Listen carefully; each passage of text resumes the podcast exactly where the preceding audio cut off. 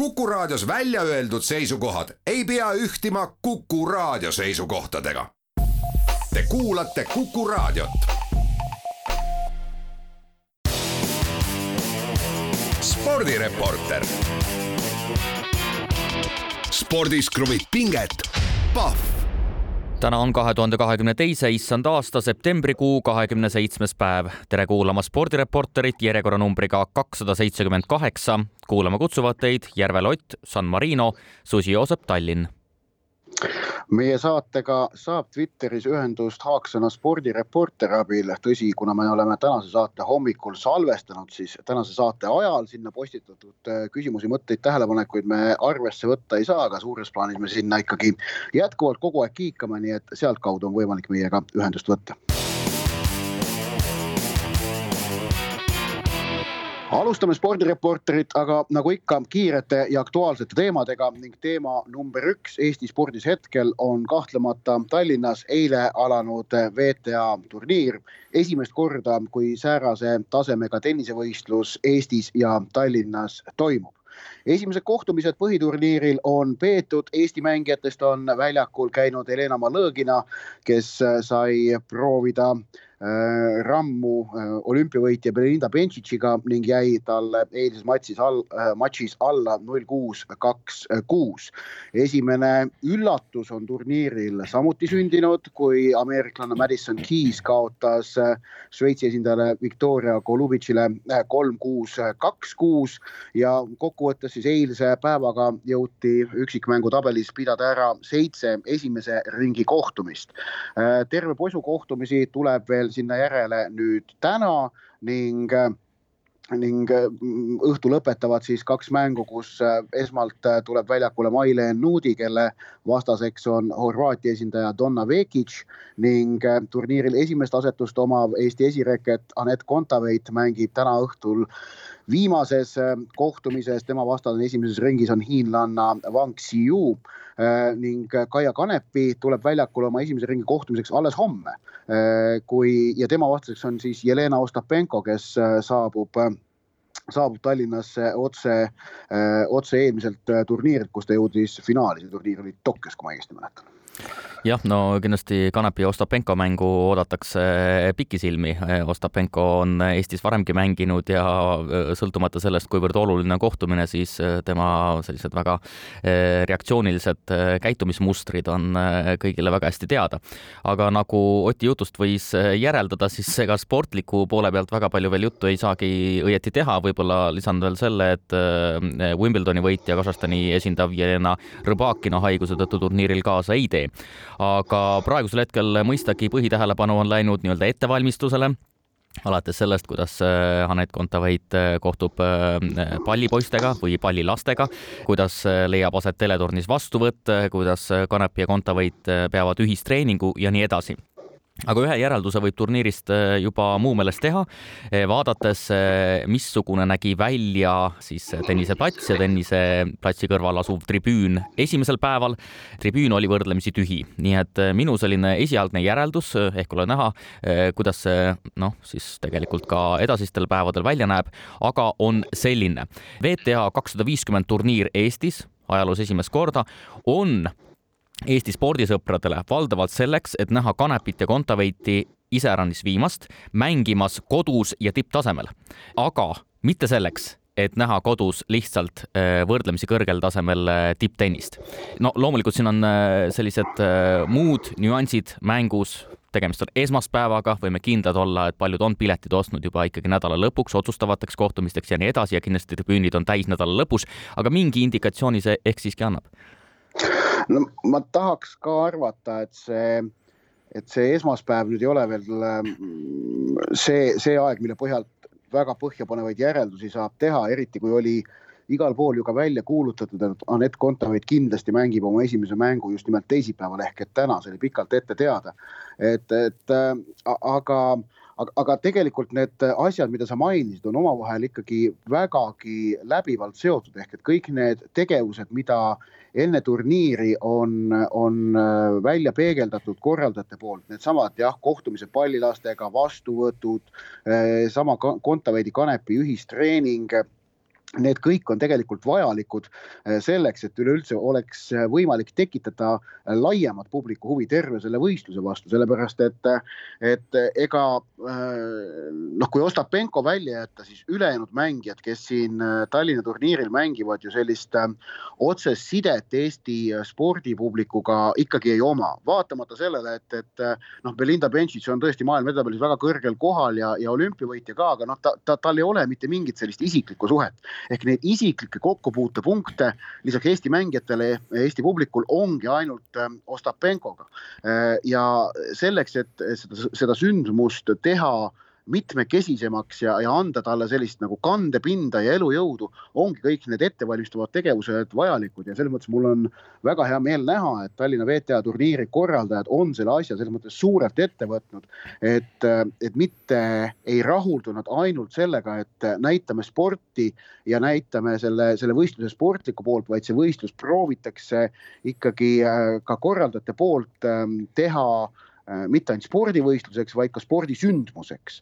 ja, ja see on üks oluline nüanss, mis sageli Eestis ära unustatakse, et, et kõiki tippvõistlusi, vaatamata sellele, kui head nad on, äh, tuleb ikkagi äh, publikule ka maha müüa. Et ainult selle võistluse kvaliteet huvitab neid, keda huvitabki ennekõike see sport, aga, aga noh, sündmus ise on ka tegelikult kõva asi jah, no ma arvan tõesti, et peaminister veel erakorralist pöördumist ei peaks tegema, et äh, publikut tribüünidele saada, aga mm, jah, ma olen nõus sellega, et loomulikult on ju korraliku turniiri, hästi korraldatud äh, turniiri loomulik osa see, mismoodi seda turundatakse, see on ju päevselge. ja, ja kindlasti järk-järgult päev, päevad läheb see paremaks, aga siin tegelikult see, et kui sa ütled, et pole ühisosa paljude mängijatega või mängijatega, olgugi et siin on olümpiavõitja, siin on Suure Slami turniiri äh, finalist, kes avaringis välja kukkus, kukkus, eh, siis eh, see on tegelikult ju mingisugune ka iseloomustus tegelikult naistennise tipptasemele laiemalt, ehk siis see on võrdlemisi kaootiline, siin pole selliseid eh, keskseid kujusid, keda me päevast päeva näeme, vaid need vahelduvad võrdlemisi kiiresti. aga teine külg, et äh, nagu näha siis, missugune äh, on juba äh, praegu kajastus, siis ka enamasti ka spordiajakirjandus, kui muust pole, sportliku poole pealt pole veel midagi kirjutada, siis räägitakse ikkagi sellest, et kuivõrd hästi kõik on korraldatud ja kui tore see võistlus üldiselt on. ma seal tunnetan mingit iroonia nooti sinu, sinu, sinu hääles, et siin, siin, siin nagu häiriks kõik see ei, ei, kaugeltki mitte. liigume edasi, teine teema. Eesti paarisaaruline neljapaat koosseisus Mihhail Kuštein, Allar Rajatunnu, Henrikson ja Johan Poolak saavutas sõudmise maailmameistrivõistlustel viienda koha. maailmameistriks krooniti Poola. olgu öeldud, et Eestil jäi medalist äh, puudu enam kui kolm sekundit, äh, nii et äh, vahe oli üpriski selge. ja olgu öeldud sedagi, et augustis peetud Euroopa meistrivõistlustel saavutas Eesti neljapaat kus koos vanakesed ja noorukesed eh, samuti viienda koha. aga mis võib-olla kõige tähelepanuväärsem on ikkagi Tõnu Hendriksoni väljaütlemine pärast eh, viiendat kohta et kui kolmekümne üheksa aastane Raja, neljakümne kolme aastane Hendrikson on siin korduvalt ikkagi vihjanud või, või kahelnud, et kui kaua nad jätkavad, mismoodi jätkavad, kus jätkavad ja nõnda edasi, siis praegu tundub, et asi on ikkagi täiesti selge lõpuks. Raja ja Hendrikson selles neljapaadis üritavad sõita olümpiamängudel Pariisis jah, selle MM-i viienda kohale, viiendale kohale konteksti andmisel on oluline ikkagi meenutada eelmise aasta Tokyo suveolümpiamänge, kus paarisaajaline neljapaat sai kuuenda koha, aga toona siis äh, olid, olid äh, Raja ja Hendriksoni kõrval istusid paadis Kaspar Taimsoo ja Jüri-Mikk Udam ehk et äh, viiskümmend äh, protsenti paatkonnast on äh, välja vahetatud vaatamata sellele sõideti nüüd välja maailmameistrivõistlustel parem koht kui mullu Tokyo olümpiamängudel, noh, mõlemad on kohad võistlused, kus ju noh, maailma kogu paremik on, on ikkagi äh, kohal ehk et noh, võrreldavad konkurentsid, et see on ikkagi väga äh, positiivne märk, et see sõudjate vahetus seal paadi sees on suudetud teha sedavõrd kuidas öelda, kiiresti ja valutult. noh, ja selles, et, et Hendrikson ja Raja plaanivad Pariisi olümpiani jätkata, no eks, eks sellest võis ju aimu saada kohe, kui nad ikkagi otsustasid, et nad teevad ühe hooaja veel. mul tunne, et nad siis mõtlesidki vist niimoodi, et, et nad vaatavad nüüd selle kahe tuhande kahekümne teise aasta pealt, kas selle uue koosseisuga on, on varianti Pariisi olümpial midagi korda saata. Ja no praegu need kaks tiitlivõistluste finaali ilmselgelt näitavad kogenud meestele, et on küll. Ja, ja noh, nii Hendriksoni kui Raja see optimism, millest nad tegelikult pärast seda MM-finaali pakatasid, oli väga mõnus vaadata ja kuulata jah, mul on jäänud täpselt sama mulje äh, ja see ongi puhas äh, pelk äh, mulje. tõesti, see tänavune aasta oligi selline noh, nii-öelda katseaasta, et näha, kas siin on sisu või mitte. ja tõesti, see Hendriksoni väljaütlemine, arvestades ka Hendriksoni varasemaid väljaütlemisi, mis on olnud tihtilugu väga-väga kriitilised, et noored ei tee trenni ja nõnda edasi, et on ikkagi hoopis teistsuguse retoorikaga tegemist praegusel hetkel, nii et tundub, et vanameistrid Hendrikson, Raja on seal neljases praegu koos Kusteini äh, ja, ja Juhan Poolakuga kindlasti rahul, jah.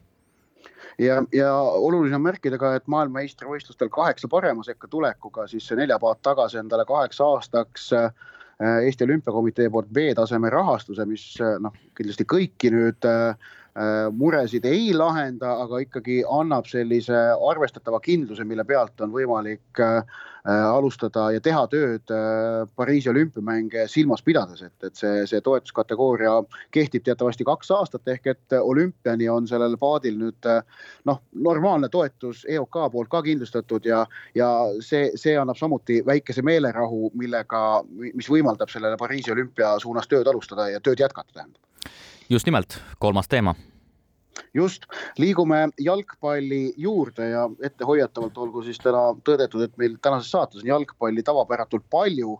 Äh, ja, ja alustame koduse meistriliiga keskse sündmusega möödunud nädalast. FC Levadia äh, selle hooaja kolmas peatreener Maksim Kalanetšenko äh, jõudis ametis olla kümme päeva, mille jooksul juhendas meeskonda ühes mängus, see oli matš FC Kuressaarega, mille Levadia kaks-kolm kaotas. Ja eelmisel nädalal Äh, Kalonitšenko ametist vabastati ehk et äh, Levadia äh, suure hurraa ja, ja ka toodud peatreener, kellega klubi president Viktor Levada tohutu suure naeratuse saatel alles kaheteistkümnendal septembril poseeris fotol selle kuulsa rohelise seina ees, elava rohelise seina ees, mis Levadia kontoris A Le Coq Arena'l asetseb ja kus, kus neil on kombeks kõiki oma äh, ametlikke fotosid teha. Äh, kümme päeva Kalanitšenko ametis oli ja siis juba minema läks ning äh, minema saadeti ning äh, noh, kõik jutud, mis Levadiast kostuvad, ütlevad siis seda, et, et, et, et tegemist oli lihtsalt inimesega, kellel oli küll olemas noh, nimi ja Paber. CV, nimi ja CV mängijana. Ehk et noh, tõesti maailmameistrivõistluste finaalturniiril mänginud mees ja Ukraina koondislane, aga kellel treenerina Äh, puudus ikkagi igasugune tase ehk et oli, oli, oli nagu jäänud valgusaastate kaugusele sellest, millega Levadia meeskond oli harjunud kolme eelmise peatreeneri all, kes kõik olid serblased, viimasena Ivan Stoikovitš paar kuud, enne seda Marko Savic ligi kaks aastat ja veel enne seda Aleksandr Rogic ka üle kahe aasta jah, kui ma oleksin äh, Kalev Kruus, siis ma ütleksin äh, ilmselt midagi sellist, et seda Levadia ämbrite kolistamist on kuulda Peterburi maanteeni välja või umbes midagi sellist. aga tegelikult kogu see protsess on äh, minu arvates äh, väga kasulik äh, kahel põhjusel. esiteks on nüüd spordihuvilistel ja ka jalgpalli mälumängu huvilistel alati varnast võtta üks huvitav küsimus, et kes on see Eesti lühiajalisim välistreener, seda esiteks. aga teiselt poolt loomulikult kogu see protsess on täiesti absurdne ja see ei positiivne külg ongi see, et see näitlikustas minu arvates väga hästi, mis äh, Levadias toimub, valitsev Eesti meister.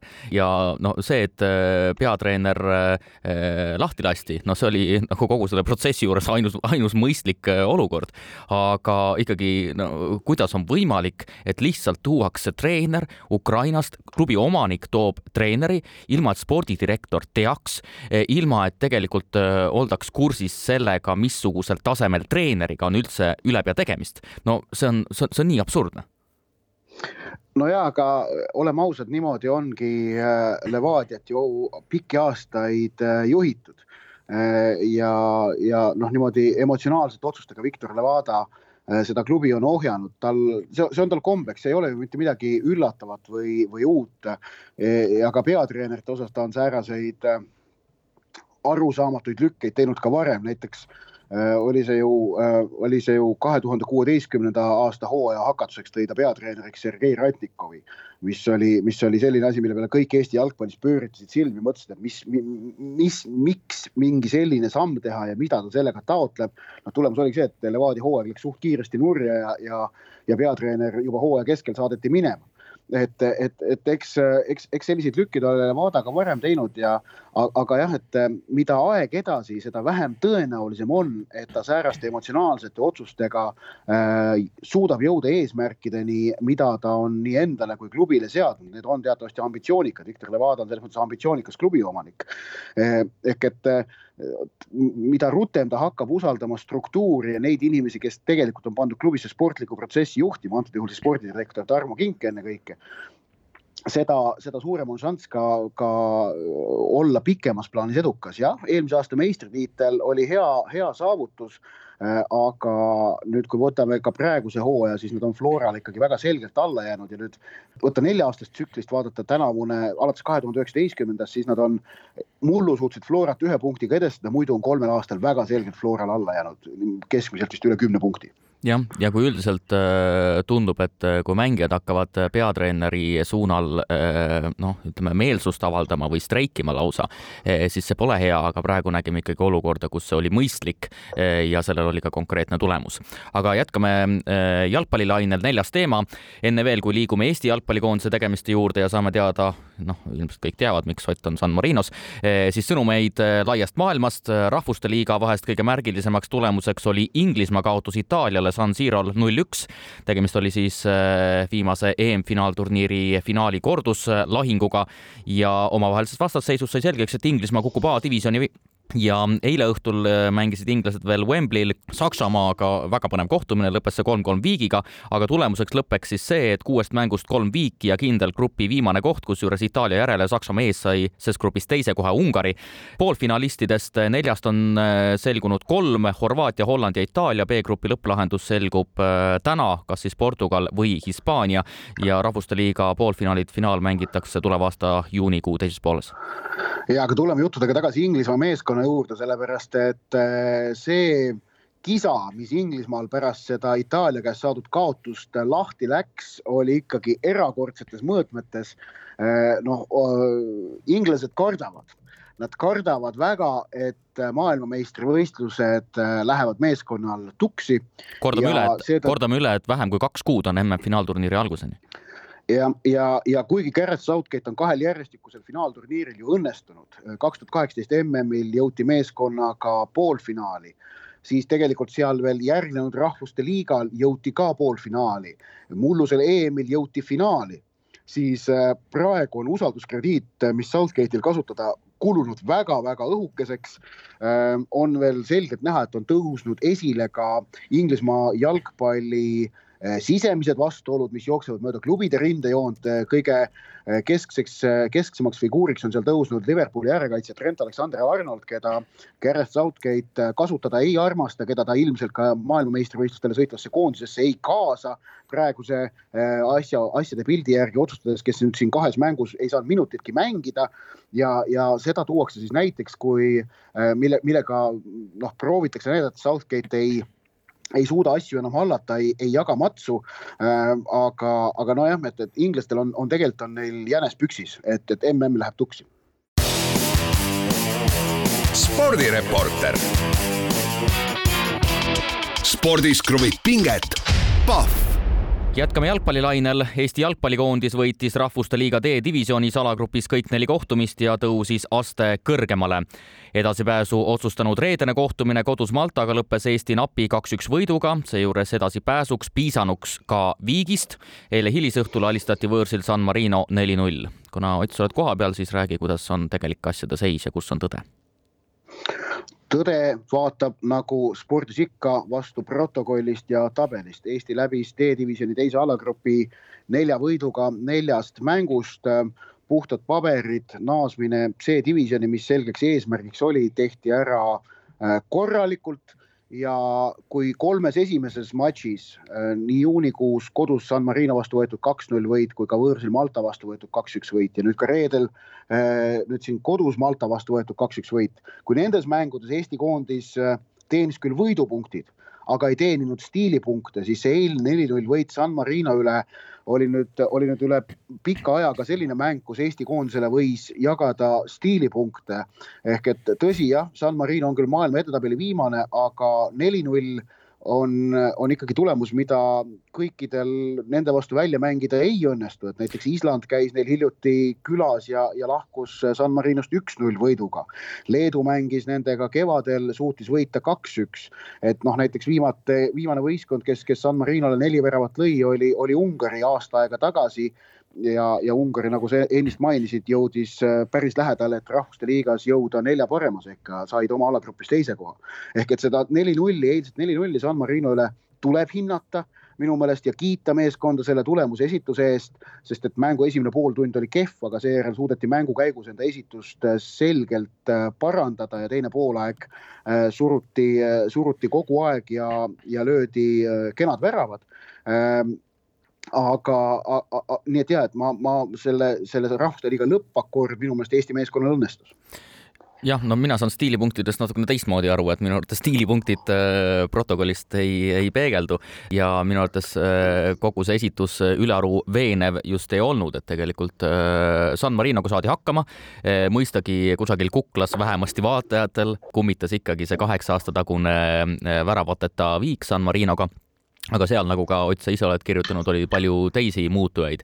Eh, selles mõttes San Marinoga saadi korralikult hakkama, eh, nagu oligi tarvis, aga ega need Malta mängud ju väga optimismi ei tekitanud. esiteks eh, ju avamäng võõrsil, kus alles neljandal üleminutil Anieri väravast võideti ja teine kohtumine, mis eriti noh, ikkagi selline kriitiline koht oli ikkagi olukord, kus ikkagi oldi kinni ju edasipääsus, mängiti arvulises ülekaalus, lasti lüüa üks-üks, aga vahetused, eh, see, kuidas vahetused lörtsisid Eesti mängupilti, eh, no kuidas eh, sisuliselt kõik, kes platsile tulid, olid, ma ei tea, kas närvis, aga igatahes noh, koostöö, kokkumäng, täiesti absurdsed lahendused paiguti, et see jättis selle, sellele mängule ikkagi sellise kriitilise noodi külge, aga tõesti, nagu sa alguses ütlesid, põhieesmärk oli, oli selge, läbida puhasta vabaritega ja, ja sellega sai Eesti koondis hakkama nojah, ma ei vaidle üldse vastu, et see Malta vastu eriti teine poolaeg oli, oli kehv vaadata, aga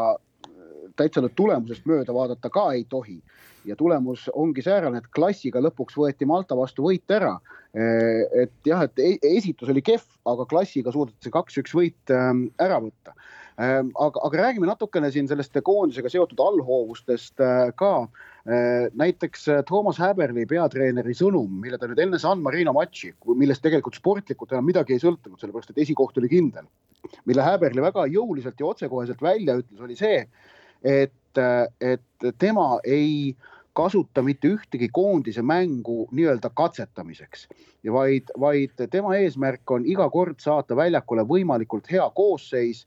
et ja, ja, ja niimoodi ta sellele koondise protsessile läheneb, mis on ikkagi noh, ütleme päris selge lahknevus Äh, varasemast praktikast, mida me oleme Eesti koondise puhul harjunud nägema, ehk et, et on ju varem olnud ikkagi päris arvestatav hulk maavõistlusi, kus antakse vaata et isegi viiele-kuuele-seitsmele äh, tavapärasele vahetusmehele äh, võimalus põhikoosseisus alustada või, või saavad nad arvestatavad minutid.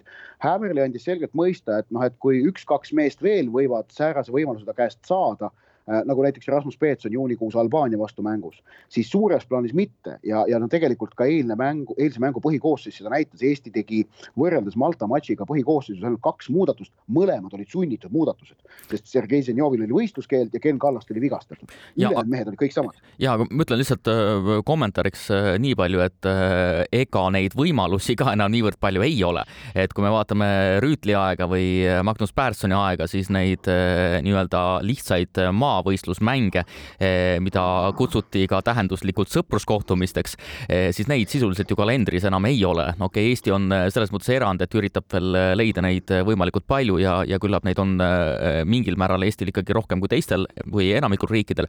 aga no see on ju see, kuhu suunas kogu UEFA liigub, et UEFA muutuste eesmärk ja Rahvuste Liiga loomise eesmärk ei olnud üksnes asjaolu, et äh, tipud saaksid tippudega rohkem mängida. Äh, see oli üks ülioluline külg, aga ka see, et me kaotame ära need koondise mängud, äh, kus pole absoluutselt mitte midagi mängus ja praegu on ikkagi nõndaviisi, et sisuliselt kõik koondise mängud on punktide peale mängud või siis noh, Balti karikale ja koosseisust ka veel paar sõna rääkides, siis eilses matšis vahetusest ikkagi noored mehed Rocco Robert Shane ja Georgi Dunjov, mõlemad päris arvestatavad minutid teenisid ja mõlemad äh, esinesid äh, minu meelest selle, nende minutite jooksul päris kenasti, ehk et siin Eestis tõstatati küll möödunud nädalal teema sellest, et Eesti äh, meeskonna keskmine vanus on, on äh, silmatorkavalt kõrge, seal kahekümne üheksa aasta kandis. tõsi, mõned nooremad mängijad olid sedapuhku vigastuse tõttu jäid kõrvale, nii Maksim Baskotši jäi kõrvale, ka Märten Kuusk keskkaitses oli, oli puudu, kes seda keskmist vanust oleks allapoole äh, toonud äh,. mina olen alati olnud vastu keskmise vanuse teab teadmistähtsustamisele, et, et ma ei, mina ei pea seda teadmistähtsaks, sina oled olnud alati ka, armastad sellest rääkida. see on kõnekas tihtilugu jah, ühelt poolt, kui me vaatame üldse Euroopa jalgpallikoondiste keskmist vanust, siis viimastel kümnenditel on äh, ikkagi selgelt muutunud väiksemaks, siin on teatud erandid, näiteks Itaalia, aga vaatame näiteks Inglismaa koondist. no tõsi, inglased on üks noorimaid koondiseid äh, olnud siin pikka aega, äh, aga ma lihtsalt tuletaksin ühe asja meelde, et mis seisus me olime siis, kui me pääsesime play-off'i Euroopa meistrivõistlustel, eh, vabandust, eh, siis eh, otsustavasse kohtumisse, jah, siin ei saa vist sõelmänge ka kasutada. olukord, kus Eesti koondise keskmine vanus platsil oli kolmkümmend, mõnes kohtumises rohkem ja teiseks ja. mängiti mängijatega, kes koduklubides ei saanud sisuliselt mänguaega sellises situatsioonis, nii et kõike see loomulikult ei ütle Eesti meeskond enne kui novembris äh, mängib Balti turniiril, kus esmalt kohtutakse äh, Lätis Riiaga ja siis Tallinnas toimuvas kohamängus kas Leedu või Islandiga, kes on tänavuse Balti turniiri külaline, ootab kindlasti pikisilmi üheksandat oktoobrit, kui äh, Frankfurdis loositakse Äh, valikgrupid Euroopa meistrivõistluste valiksarjaks, mis järgmisel aastal mängitakse. nii et üheksandal oktoobril saab Eesti teada need võistkonnad, kellega järgmisel aastal valikmängudes vastamisi minnakse. jah, ma teen väikese paranduse, et Lätis me ei mängi Riiaga, vaid Riias mängime Lätiga, pigem ikka niipidi. spordireporter. spordis kruvib pinget, Pahv spordireporter jätkab, Ott Järvela jätkuvalt San Marino pop-up stuudios, Joosep Susi Kuku raadio Tallinna stuudios. meie mm, saade täna otse-eetris ei ole, vaid oleme selle varahommikul linti teinud, aga protseduur ja saate sisukord on tavapärased ehk et kolmas osa kuulub kuulajatelt laekunud küsimustele ning alustame korvpalli ja spordi ja filmivalda kuuluva küsimusega, mille on Artur meile helist- ed, edastanud. head spordireporterid, näib, et viimase nädala äh, suurim spordisündmus Kodukamaral kuulub paljuski filmikunsti valda. vaatasin ka ise Kalevit ja mulle meeldis. kas tegu on aga näitega, et Eesti film on maailma tasemel, kas see pole pisike liialdus ja kuhu võiks Kalev paigutuda Eesti spordifilmide seas? No teisele küsimusele vastus on väga lihtne, et kui me mõtleme mängufilmidele, ähm, Owe Musting äh, on nelikümmend viis ja tegi esimese äh, mängufilmi, aga mõistagi ta on äh, kõikide muude töödega ikkagi väga tunnustatud režissöör, siis ega väga palju kõrvale panna ju midagi polegi, Vallatud kurvid, mis veel mängufilme meelde tuleb, dokfilme on küll palju, olgu see Jaan Taltsist või ükskõik kellest, aga, aga no, tõesti. Ott Tänak, Ott Tänaku see, see The Movie oli, oli viimane näide, mis ju ka oli kinodes tohutu menuk. Jah, no natukene teistel põhjustel ilmselt, aga, aga tõesti, see on ikkagi nagu mängufilmi osas äh, märgatavalt tõsiseltvõetavam. Äh, siin küsija osutab tõesti siis Andrei Liimetsa arvustusele, kus ta tõesti toob sellise väite, et see näitab Eesti filmi maailmataset. no päris nii kaugel ma ei läheks, ma ütleksin, et tegemist on väga-väga korraliku spordifilmiga, vaadates ka üldiselt spordifilmide taset, ma ikkagi olen öelnud, et viimasel kuuel-seitsmel aastal on Äh, aset leidnud äh, rahvusvaheliselt selline spordifilmide buum äh, on üle saadud sellisest pikka aega vallanud arusaamast, et sport on kuidagi labane temaatika, millest mängufilme teha. täiesti arvestatav tase ja rahvusvaheliselt kindlasti on noh, minu arvates huvitavamaid filme, kus ka nii-öelda selline ühiskondlik temaatika ja, ja sporditemaatika on väga hästi kokku pandud. natukene mingis kohas mul jäi mulje ikkagi, et sellised traagelniidid on liialt nähtavad, aga aga üldiselt äh, jah, minu arvates väga-väga hästi tehtud film. ja mina filmi kui valdkonda ei tunne.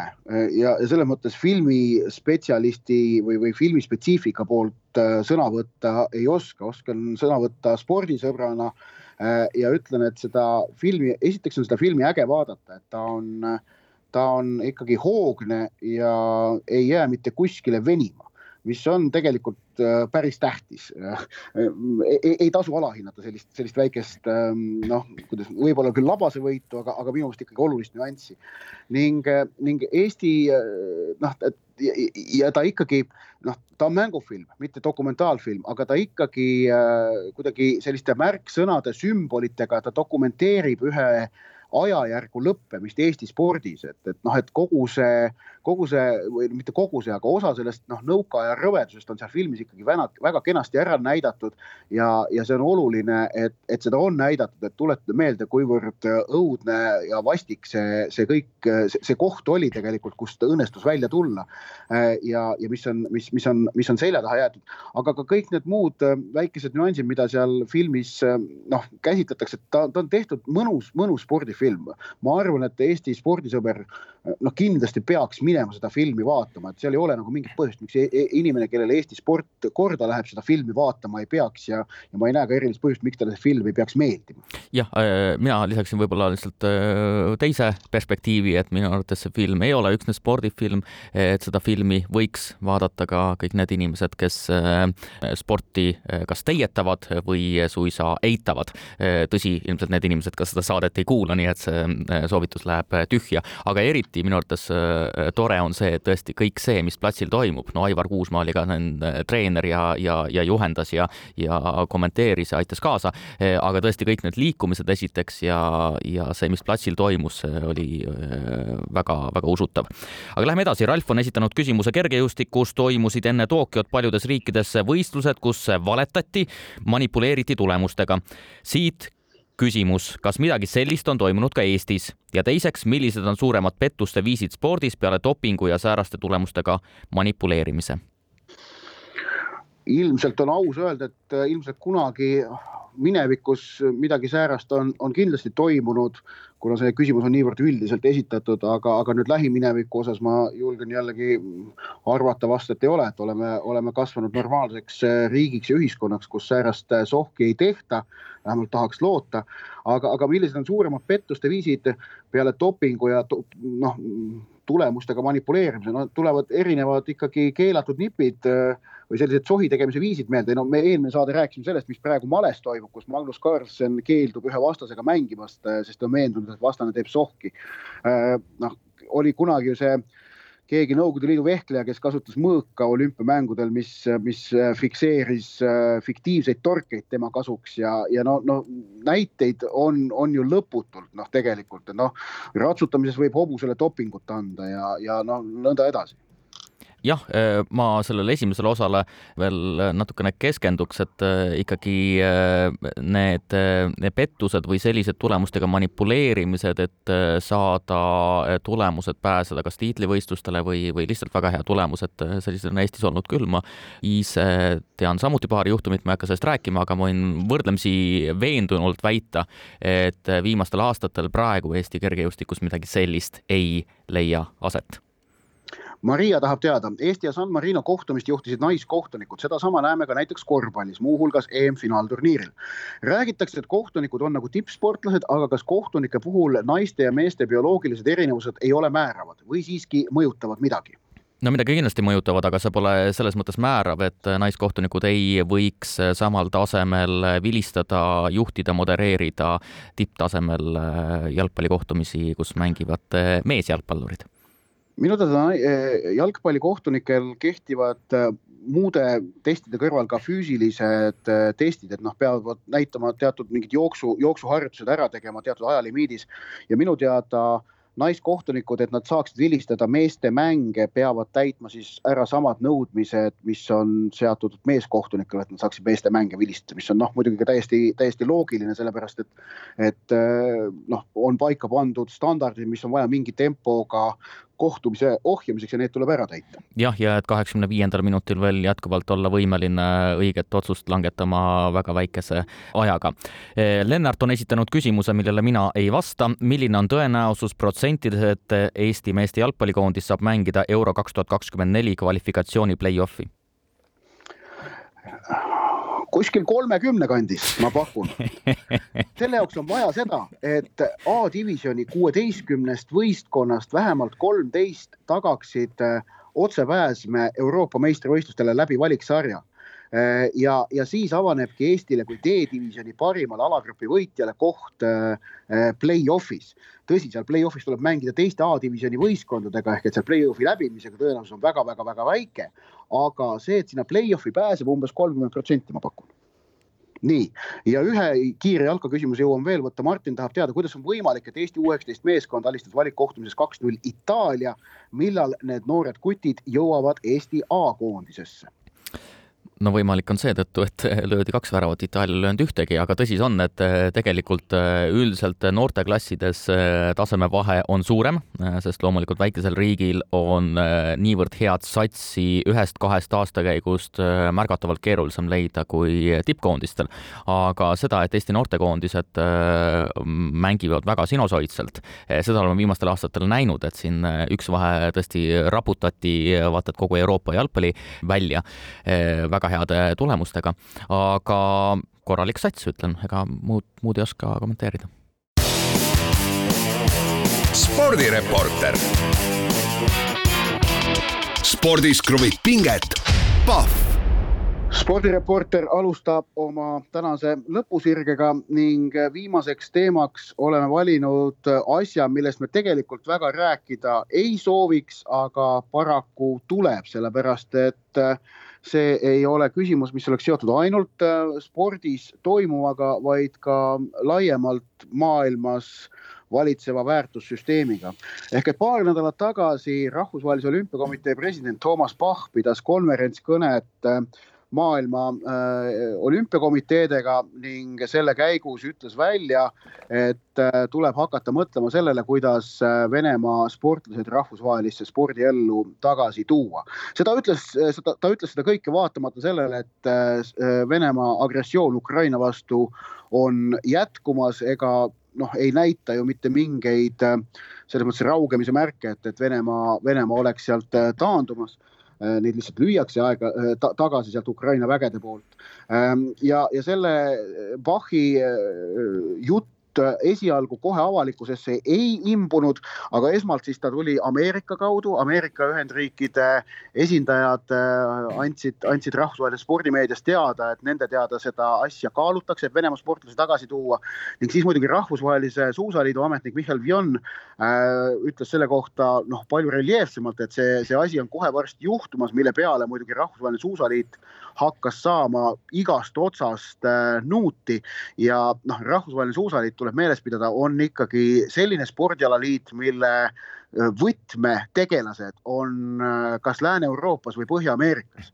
et tegemist ei ole noh, no näiteks kui paneksime, on väga palju spordialasid, mille, mille fookuspunkt on kas Aasias või või, või, või, või ka kuskil äh, Lõuna-Ameerikas näiteks, et kellele, kellele see võib-olla niivõrd tõsine teema ei ole, aga noh, rahvusvahelise suusaliidu puhul esmalt näiteks murdmaasuusatamise suursponsor Coop andis teada, et kui, kui midagi säärast, kui, kui venelased tulevad MM-ile, siis nemad äh, lahkuvad murdmaasuusatamise toetamisest FIS pidi esitama seal kõikvõimalikke vabandusi, aga ja, ja, ja, ja Vion ka, aga Äh, suures plaanis äh, tuleb möönda, et see küsimus on kahjuks päevakorral jah, ma arvan, et peaksime alustama ikkagi sellest, et meelde tuletada, mis on ülepea kõikide nende sanktsioonide nii-öelda uba.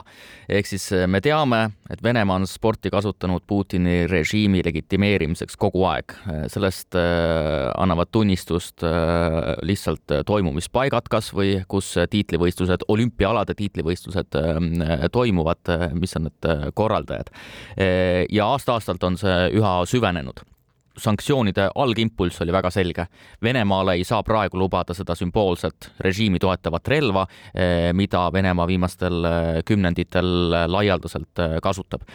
no siin on ju selge, et me mitte ainult ei jaga nii-öelda sellist ühtsustunnet, kui me elame kaasa oma sportlastele, vaid et ka rämedate sigaduste puhul ei saa öelda, et sellega pole meil mingit pistmist ja nii edasi, et see jutt on väga vana jutt.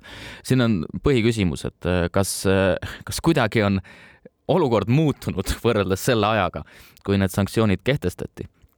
Äh, ei ole vastupidi, asi on hoopis süvenenud. sõda käib praegu ja selline noh, põhiväide võiks ikkagi olla, et õigus tippsporti teha ja sellele kaasa elada on täiesti tühine võrreldes ukrainlase õigusega oma kodus rahus elada või üldse elada. selle ma lugesin ette enda kunagisest. võib tekkida küsimus, et miks Bach selle, selle teemaga praegu otsustas esile tulla, siis põhjus peitub spordikalendris. Nimelt paljudel spordialadel või enamikel on õige varsti algamas äh, valikvõistlused ja kvalifikatsiooniperioodid Pariisi olümpiamänge silmas pidades. ehk et Bach saab ka, noh, ta vaatab kalendrisse, ta saab aru, et kui Venemaa sportlasi siin lähiajal tagasi ei lubata, siis nad valikvõistluste kaudu Pariisi olümpiamängudele lihtsalt ei suuda kvalifitseeruda ja, ja noh, ilmselgelt Bachil, kes on nagu tüüpiline tippspordiametnik selles mõttes, et tal on ka kuskil olemas ettekujutus, et ta vääriks Nobeli rahupreemiat. ja see ei olnud praegu minu poolt mingi selline nali, vaid noh, ilm, kahjuks see niimoodi on, et siin on FIFA presidendid järgemööda leidnud, et nad väärivad Nobeli rahupreemiat ja. mina tean ainult ühte, aga kuidas? mina tean ainult ühte, Sepp Blattarit, aga. ei no Infantino on ikka ka veidikene sinnapoole okay, noh, kuskilt poolt mõista andnud ja kiiganud et, et noh, et sellises udus nad omadega elavad ja, ja seeläbi nad, nad toimetavad, arvavad, nad toovad kõik ühe mütsi alla, siis, siis, siis nad teevad kõigile väga palju head. Ähm, aga, aga, aga ma tuletan meelde, et, et lisaks Ukrainas toimuvale äh, on Venemaa, mis on täiesti ammendav põhjus Venemaa totaalseks väljalülitamiseks maailma spordist. Äh, ja, ja pikaks ajaks. Äh, sealt tuleks järgnema peaks ka karistusperiood, kui, kui sõda loodetavasti võimalikult ruttu Ukraina võiduga läbi saab, aga seejärel peaks järgnema ikkagi Venemaale pikk karistusperiood. aga põhjuseid nende karistamiseks on tegelikult veel, nad on ikkagi lakkamatute dopingupettustega lörtsinud olümpiamänge siin juba kümme aastat. Äh, kümme? kas sa teed nalja või? kümme aastat Venemaa no, on tegelenud sellega kunagi minevikus veel, aga, aga noh, kui me vaatame seda, et kuivõrd palju Venemaa sportlasi on takkajärjel jäänud vahele Londoni olümpial antud äh, dopinguproovidega. Sotšis äh, tegid nad riikliku dopingusüsteemi ja, ja uriinipudeleid tõstsid sealt mingi augu kaudu välja, et, et need puhaste vastu ära vahetada äh,. Rio ja PyeongChangis äh, olid, olid äh,, olid dopingukahtlused üleval ja, ja andsid nad ka positiivseid proove ja nüüd noh, Tokyos mullu samamoodi ja Pekingis ka. ehk et, ehk et Venemaa on seda olümpialiikumist ju retsinud äh, pikemat aega. jah, äh, täiesti nõus sellega, aga, aga ma ei ole sellega päris nõus, et need äh, kaks asja saab kuidagi kokku viia, et minu arust need mõlemad on väga õiged nii-öelda motiivid, aga need tuleb hoida teineteisest lahus. aga lihtsalt. sellega ma olen nõus, aga mõlemad on piisav põhjus, et neid väga rangelt karistada. Jah, ja kellelegi ei tule üllatuseks, et Toomas Bach midagi sellist teeb, et Bachi ja Putini teineteise mõistmine ja omavaheline sõbralikkus on teada tuntud, aga ma lihtsalt tooksin äh, selle teema lõpetuseks äh, ühe sellise noh, noh, lihtsa sellise mudelnäite. Vene sportlane võistleb, esindab uhkusega Venemaad. Äh, Vene inimesed elavad kaasa, tunnevad oma rahva ja riigi üle suurt uhkust täiesti tavaline situatsioon, seda sport tekitabki. ja samal ajal siis Venemaa on tekitanud olukorra, kus Ukraina sportlane võib-olla sporti teha ei saa, sest peab sõdima, varjendis istuma nii, aga meil saateaeg hakkab otsa saama, liigume soovituste juurde. jah, mina soovitan ikkagi äh, minna vaatama kõrgel tasemel tennist, ehk siis ükstapuha mitte ainult Kontaveidi ja Kanepi kohtumisi, vaid äh, kohtumisi WTA kakssada viiskümmend äh, Tallinnas toimuval tenniseturniiril mina soovitan pühapäeva hommikul varakult ärgata, kui ma nüüd õigesti neid tunde ajavahet arvutasin, siis Uus-Meremaa ralli punktikatse peaks algama pühapäeva hommikul Eesti aja järgi kell kuus kaheksateist. Hyundai meeskond Uus-Meremaalt jahib oma neljandat võitu. nii, aga saate lõpetab nagu ikka üks laul, Joosep tahtis esmalt midagi ise öelda selle kohta ja ma tuletaksin meelde, et enne Euroopa meistrivõistluste finaalkohtumist äh, mängisime spordireporteri saate lõpetuseks äh, kuulsat lugu, mis räägib sellest, kuidas äh, karikas tuleb koju, it's coming home. nüüd on situatsioon pisut teisenenud. just, Inglismaa jalgpallikoondisele kes langes Rahvuste Liigas B-divisjoni ja sõidab väga keerulises seisus, läheb vastu maailmameistrivõistluste finaalturniirile. esitab saate lõpetuseks ühe äh, laulu Monty Python. Some things in life are bad, they can really make you mad. Other things just make you swear and curse. When you're chewing on life's gristle, duck, rumble, give a whistle. And this'll help things turn out for the best. Hey. Always look on the bright side of life. Always look on the light side of life. If life seems jolly rotten, there's something you've forgotten, and that's to laugh and smile and dance and sing. When you're feeling in the dumps, don't be silly chumps, just purse your lips and whistle, that's the thing. Pain. Always look on the bright side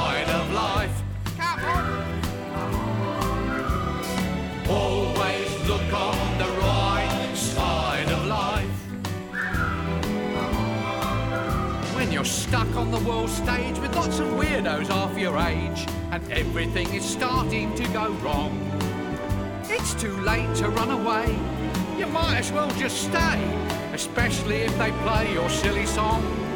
And always look on the bright side of life. Always look on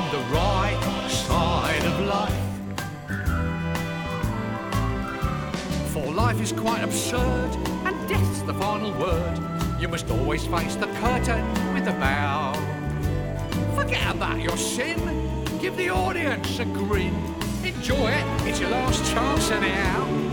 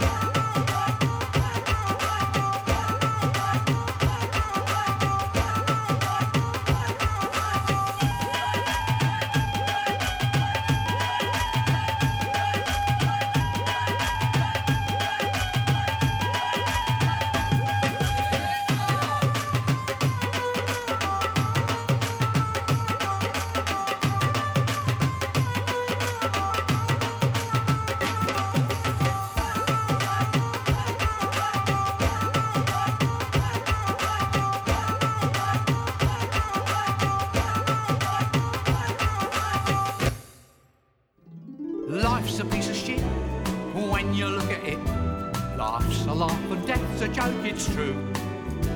You'll see it's all a show. Keep them laughing as you go.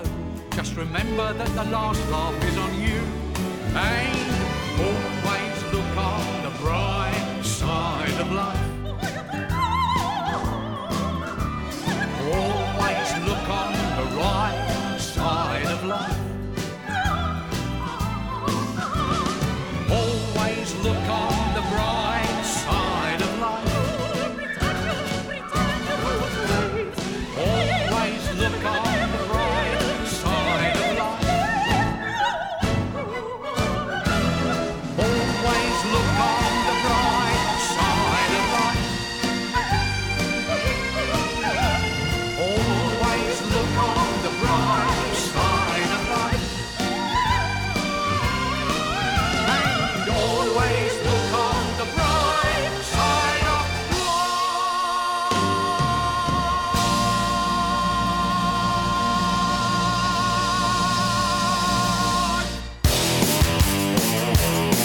spordireporter. spordis kruvib pinget, Pahv